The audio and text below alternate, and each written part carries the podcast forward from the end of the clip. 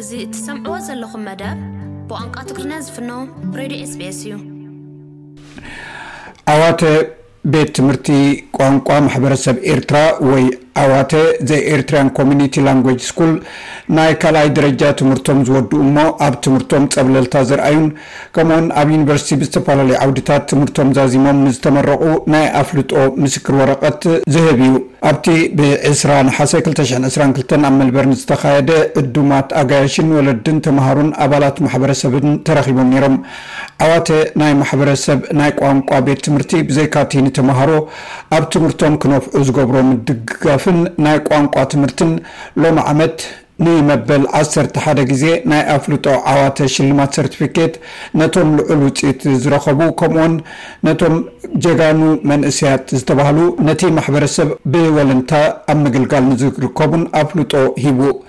እቲ መደብ መደረታት፣ ባህላዊ ምርኢታትን ናይ ድራር እንግዶትን እውን ዘጠቓለለ'ዩ ነይሩ።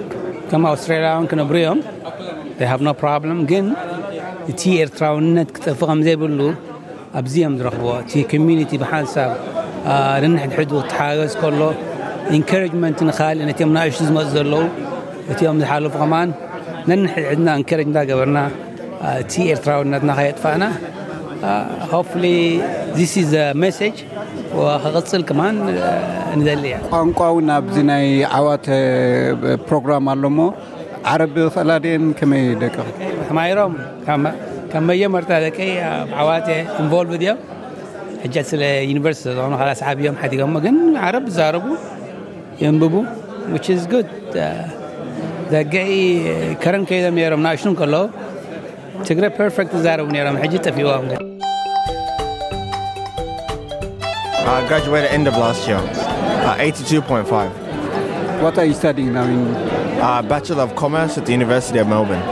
um, my family were and friends and everybody was very supportive of me always helpingme um, always askingme if i needed anything um, they made sure that any questions i had making sure that i found the right people to talk to it every step ofthe way i feel like it's a very good idea especially with the ritrian community getting us altogether uh, meeting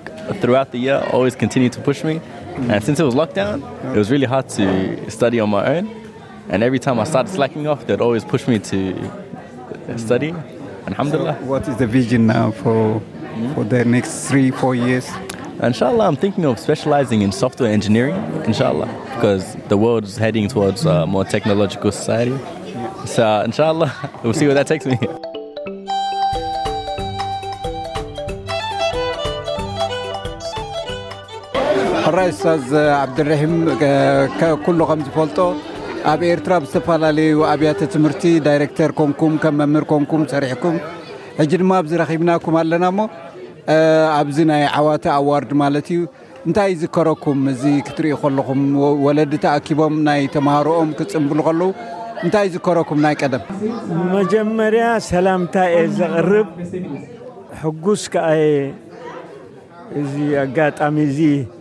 ብኡ ገይርካ ከምዚ ክትሓተኒ እንከለኻ የቐነየለስ በየነ እንታይ ዝክር ድሕሪ ናጽነት ድሕሪ ናጽነት ኣነ ዕድለኛ ኮይነ ካብቶም ኮሚቴ ናይ ቤት ትምህርትታት ኣስማ ክንቅይር ከምኡ እውን ከሪክልም መንሀጅ ናይ ትምህርቲ ክንልውጥ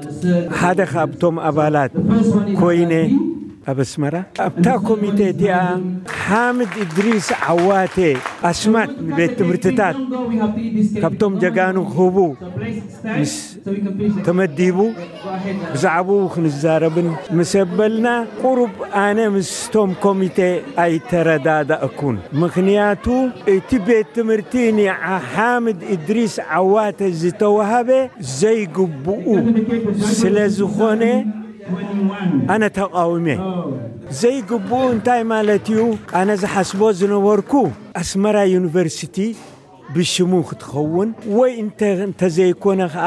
ሓንቲ ካብተን ቤት ትምህርትታት ዓበይቲ ናይ ሃይስኩል ክወሃብ ከምኡውን እንታይ ሓሳብ ኣቕሪበ ኣነ ከም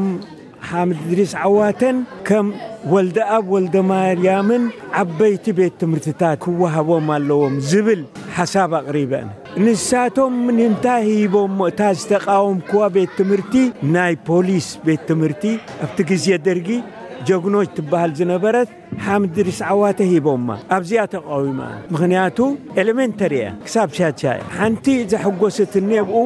እብራሂም ሱልጣን እታ ቤት ትምህርቲ ኣነ ዝነበርኩዎ ዳይረክተር ዝነበርኩላ ዘርኣይ ድረስ ትበሃል ነይራ እብራሂም ሱልጣን ተዋሂባ እሳ ኣሕጒሳትኒ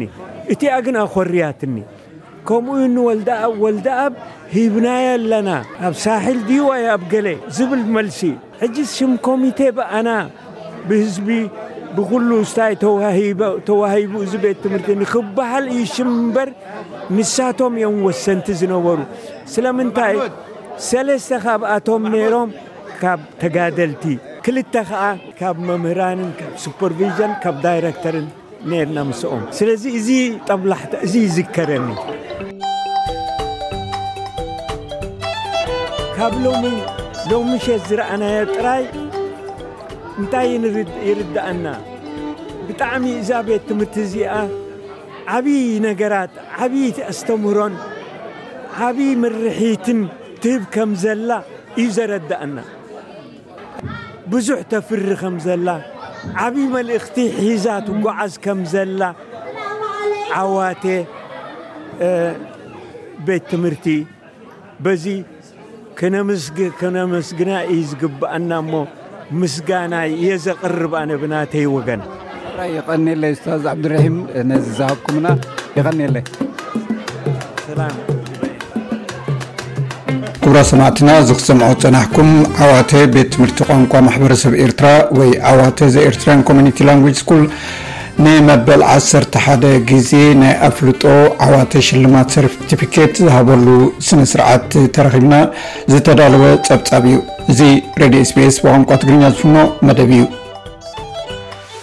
ማሕበረሰብኩም ዘተኹም SBS ትግርኛ